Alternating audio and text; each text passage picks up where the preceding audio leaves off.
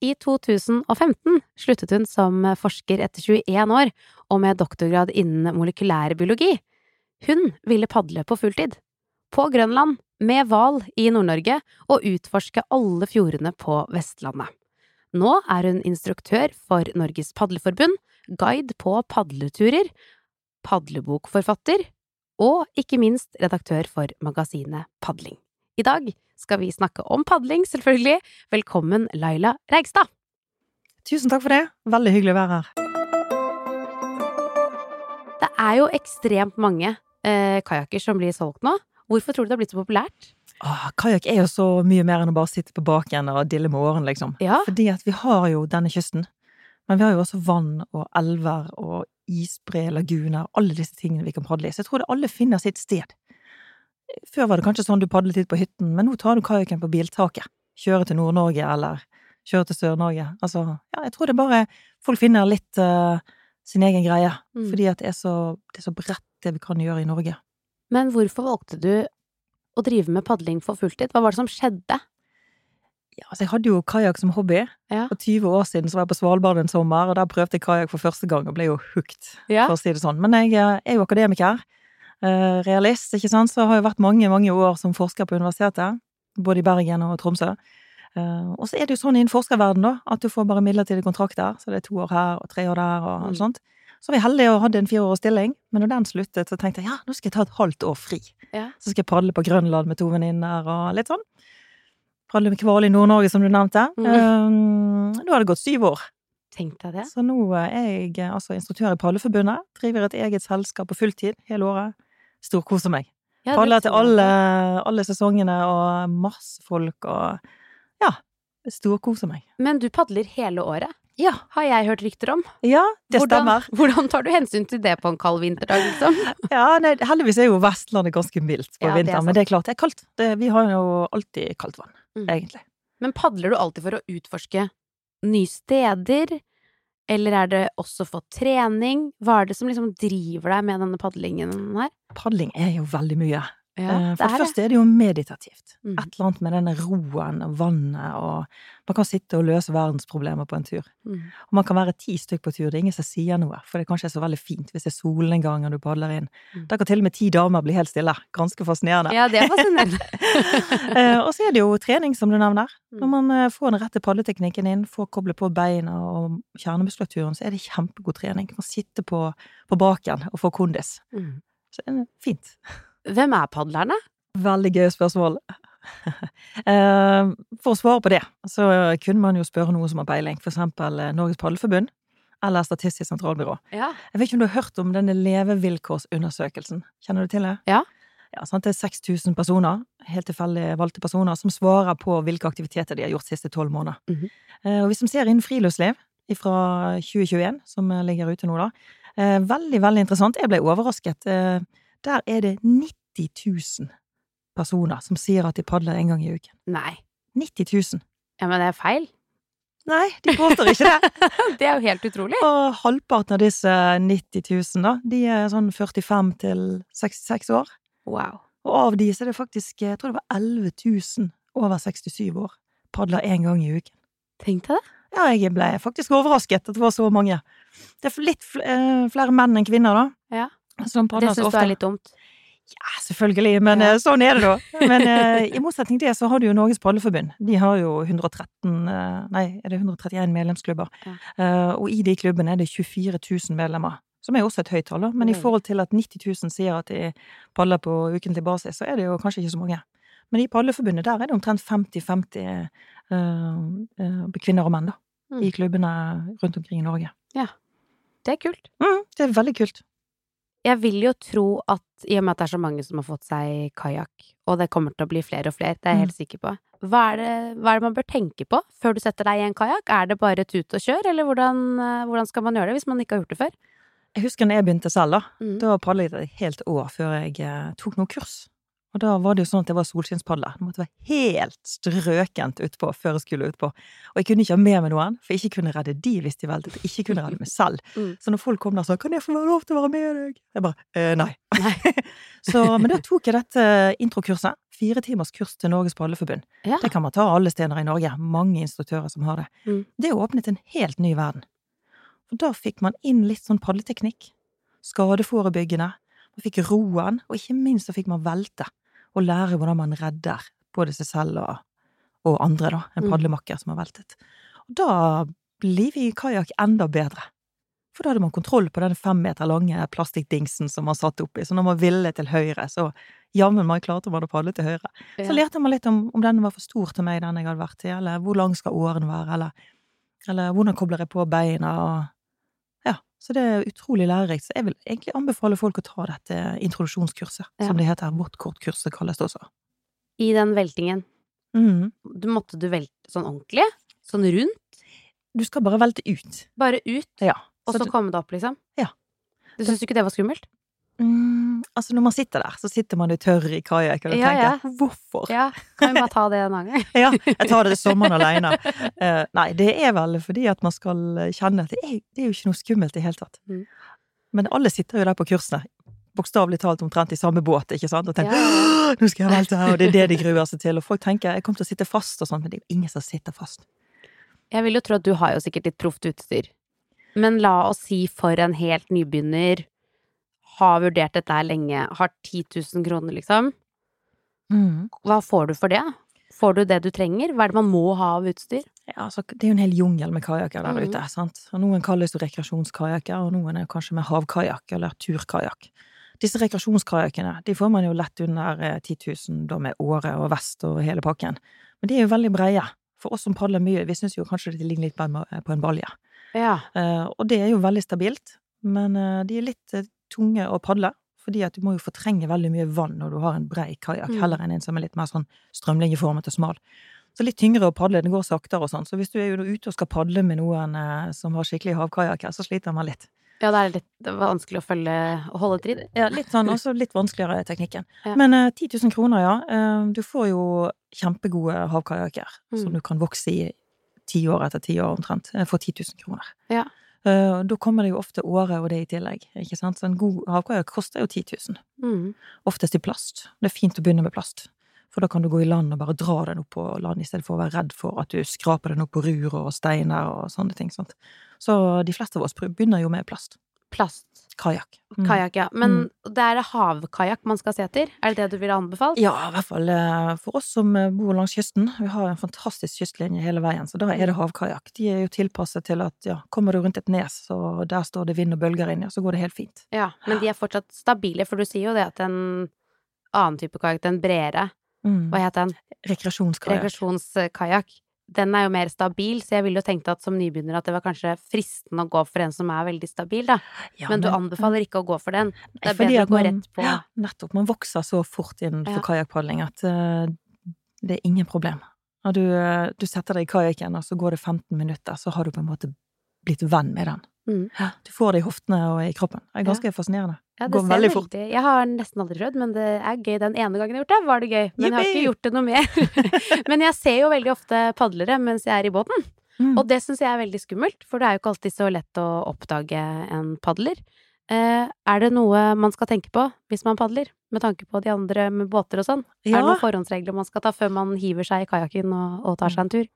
Interessant er jo hvis du spør Sjøfartsdirektoratet, så sier de at kajakk det er en eh, fritidsbåt. Mm. Fordi at den palles av privatpersoner, ofte i fritiden. Og da gjelder det jo egentlig samme reglene for oss, Mm. som for eh, øvrige fritidsbåtførere. Ja. Eh, og det er klart, vi bør jo egentlig holde oss på det som vi kaller for fortauet, da. Mm. Det er jo ofte langs land. Det er ut av le leden, ikke Ja. sant? Eh, Så når vi krysser leden og sånn, så er det jo veldig viktig å se seg godt om. Vi krysser jo leden, da må du ikke Vi er jo små. Og blir rodd, disse kajakkene. Eh, Så vi har jo egentlig vikeplikten når vi krysser skipsleder og sånt, og inn og ut av eh, mariner og dette. Så da gjelder det å se godt styrbord babord, eh, at leden er klar, og krysse der det er kortest strekkes. Ikke noe sånn diagonalt, men rett over, vinkelrett over. Er man flere, som man bør jo være hvis man padler der det er mye trafikkerte steder, så padle sammen og samlet over. Mm. I en flokk. Ja. Møljepadling. Ja. er det det heter? Møljepadling. Derfor går det an å si det på Vestlandet. Ja. Nei, det er klart at eh, det som du sier, én liten kajakk, vanskelig å se. Så noe av det beste med kajakkpadling er jo det sosiale, så hvorfor ikke bare padle sammen og være mer synlig? Mm. Jeg har det litt sånn når jeg kjører bil, så kan jeg si at syklister er sykt irriterende. Og når jeg er syklist, så syns jeg at bilister er veldig irriterende. Er det litt sånn med padlere og båtfolk også? Er det noe båtfolk gjør som dere padlere er sånn 'slutt med det', som du har lyst til å si nå til båtfolket der ute? Jeg opplever jo båtfolket som veldig snille. Ja, ja, så bra. Da var det ikke sånn tatt. Da at, kom bare jeg veldig dårlig ut av dette her. Ja, jeg ligger der, og jeg er veldig glad i bølger. Eh, Ja, er så kommer det jo noen eh, båter forbi, og de sakker selvfølgelig ned når de ser oss. Og det er nesten sånn Det var det jeg håpet at du skulle si. Nei, jeg eh, opplever veldig godt eh, forholdet til eh, båtfolket. Eh, men jeg styrer jo også unna veldig trafikkerte steder. Mm. Fordi at da blir det ikke noen artig padletur. Da blir det bare følge med, følge med. Sant? Nå kan jeg krysse, nå kan jeg ikke krysse. Mm. Så det har noe med at uh, kajakktur, hvis du er turpadler sånn som meg, så er det jo opplevelsen og den tingen du har lyst til å dra ut for, ikke å ligge og vente på å krysse en led. Du har jo en kajakk, det er ikke kjempestor plass, og så vil du kanskje på litt lengre tur. Hva er det man, hva må man ha med seg i kajakken? Hva er liksom must? Dette må du ha med. Hvis du skal på en litt lengre tur, da. Ja. Tenker du på overnatting? For eksempel. Ja. eh, det viktige er jo å være klar over hvor du er henne. Ja. Er du i Indre Oslofjord, eller er du i Finnmark? Det er mye kaldt vann eh, langs norskekysten, så bekledning er jo veldig viktig. Eh, du må passe på at du holder deg eh, varm på hendene og varm på hodet. Sant? Lue, hansker. Det er jo litt etter sesong, selvfølgelig, da. Mm. Um, og fordi at jeg ikke paller så veldig mye indre i Oslofjord. Der det er, sant? Men tenk på hvor du er henne, for det har jo noe med um, om du lett kan få hjelp, eller skal du på langtur, skal du bunkre all maten, eller skal du inn og handle på veien. Mm. Men eh, bekledning er viktig, mat er viktig. Eh, skal du overnatte, så ville jeg stort sett alltid tatt med telt. Og Man kan også dytte ned en eh, hengekøye. Ja, ja, for du får plass til det oppi der. Ja. En hengekøye får du plass til, Ja. men da tenker du sånn lite telt. Ja, altså, jeg drar på tur med trepersoners telt. Ja, du gjør det, ja. Ja da. Og kjøkken, stormkjøkken. Ja. Du har med det òg. Opp, opp til flere. Baker ovn der og Ja, nei, mat på tur er kjempeviktig. Ja. Det er absolutt. Har du plass til en flaske vin òg? Ja, kanskje en dunk. Ja. Det hender. Det hender. Det blir først i campen, da. Ja. Uh, ikke underveis. Ja. Men hvis du vurderer å starte, hva er det hvor Altså, med kajakk, bør man låne seg en kajakk først? Prøve, liksom? Eller hva anbefaler du å gjøre aller først? Før man bestemmer seg? Ja, vil, det er jo dyrt med kajakk, ikke Mm. sant? Og, og hvilken passer for deg, det er veldig vanskelig å si. Du bare sitter på i en kajakk på gulvet på en butikk. Det gir deg jo ikke noe følelse med det, nesten. Eh, Så det har jo noe med hvor lang og brei er denne sittebrønnen som du sitter i, har du plass til knærne, ikke sant? Så man har jo ofte to, to-tre størrelser med kajakk, alt etter hvor, hvor høy man er, da. Mm. Men det beste er nok sikkert å enten ta kontakt med noen du kjenner som padler, eller noen du har sett, for å prøve litt forskjellige kajakker, eller bli med i en klubb. Det er jo veldig mange klubber som har klubbkajakker liggende. mange. Så kan man prøve litt. Da Mm. kommer du rett inn i et miljø. Det er jo både hyggelig og øker sikkerhet. Og så har du alle klubbkajakkene liggende til å velge og vrake og prøve ut. Mm. Det, vi har snakket om hva man skal ha med seg på tur. Har du med deg mobilen? Ja. er det ikke dekning, så bruker jeg til kamera. Men ellers så eh, har vi jo alle noen apper som vi liker, da. Ja. Og hvis du er nybegynner og har lyst på noen apper på telefonen, så er det mange apper der ute. Det vet du jo fra før av. Men eh, for hver nød eh, er det jo viktig å ha disse appene. For hver yr kjenner vi jo alle. Last ned den og se hvordan du bruker den, da. Ellers er det en som heter Kystvær, som er Kystverket sin. Fantastisk, for det er rett og slett live data. Oh, ja. Fra forskjellige stasjoner rundt omkring eh, i Norge. Eh, Langs kysten, eh, Mm. stort sett, da. Så den skal du ut og padle et eller annet sted, Ånda sier eller et eller annet, så går du inn på appen der, så får du vite ja, akkurat nå er det denne vindstyrken for denne retningen. Mm. Det er veldig fint å vite. Det er Også fint for båtfolket. Ja, ja, ja. Absolutt. Og så har vi jo Windy. Den brukes jo veldig av hele verden, ikke sant. Så Windy er fin. Vindretning, bølgehøyde, eh, værmelding, prognoser. Det er veldig fint. Um, hvis du kommer til kart, så liker jeg veldig godt eh, Kartverket sin eh, app som heter Hvor. Ok. Og det er sånn at eh, den kan du bruke offline. Det, Det, er jo. veldig lurt, for Ja. det er ikke alltid den beste dekningen rundt omkring. Nei, det er nettopp det. Uh, og så, den er jo sånn at du går inn på norgeskartet, klikker du på området du skal inn i, fylket eh, er det delt inn i nå, laster du ned der, og da får du oppdaterte både landkart og sjøkart i ett. Og det er ofte det vi padlere savner, ikke sant. Så sitter du enten med et sjøkart der du ikke aner noe særlig om landskapet der du har lyst til å telte, Mm, ja. ikke sant, eller hvor bratt er det opp til en ja, lykt og sånt. Ja, ikke sant, selvfølgelig. Det er jo mye viktigere enn da. Ja, så hvis du har et landbasert kart, et turkart, så får du ikke vite noe sjømerker. Men uh, denne Vor-appen, den er jo altså en, uh, en disse kombokartene, da. Ja. Så både sjøkart og landkart i ett, så det liker vi, så den eh, anbefaler jeg. Og offline. Ja. Så da kan du faktisk logge av telefonen, eller Ja. logge av nett, og Ja. logge på livet. og så er det jo 113-appen. Den håper jeg at alle har. Trenger ikke vi snakke så mye om. Men RS har jo sin egen Safe Tracks. Mhm. Eh, Den er skikkelig bra. Du kan sitte hjemme i sofaen, så kan du plotte turen din. Uh, Og så kan du sende den til noen, da. Hvis du sier 'jeg skal ut, og her ser du hvor jeg skal'. Det er også en sikkerhet at noen eh, siden hjemme vet hvor du skal henne. Absolutt. Men da kan også de som du sender linken til, da følge deg på turen. Mm. Sånn at de kan se deg i live posisjonen din. Så nå er det der ute, og nå spiser de lunsj og sånt. Men veldig fint eh, er også at den har to slags hjelpeknapper, da. Den ene er jo nødknappen, så du kommer inn. Den andre er assistanseknapp. Mm. Sånn at du får hjelp. For det er jo, det er jo ikke alltid du trenger eh, helikopter. Eh, det kan godt komme en redningsskøyte og hjelpe deg med et eller annet. Man kan ha blitt sjøsyk, eller overrasket over dårlig vær. Eh, Begynt å få vondt i en skulder. Altså, det kan være småting. Mm. Da trenger man eh, ikke nødvendigvis eh, 113. Nei. Og Og det er lov å ringe uansett hva det skulle være. Ja. Jeg skulle poengtere det. Jeg spør alltid gjestene mine om det beste båtminnet. Det blir feil å spørre deg om. Hva er ditt beste kajakk kajakkminne? vært veldig mye både i båt og kajakk, Ja. men eh, takk for at du spør om kajakk. Ja. Det var rett og slett i Kaldfjorden eh, rett utenfor Tromsø. Mm. Eh, Mørketid. Padler med, med en annen eh, der oppe.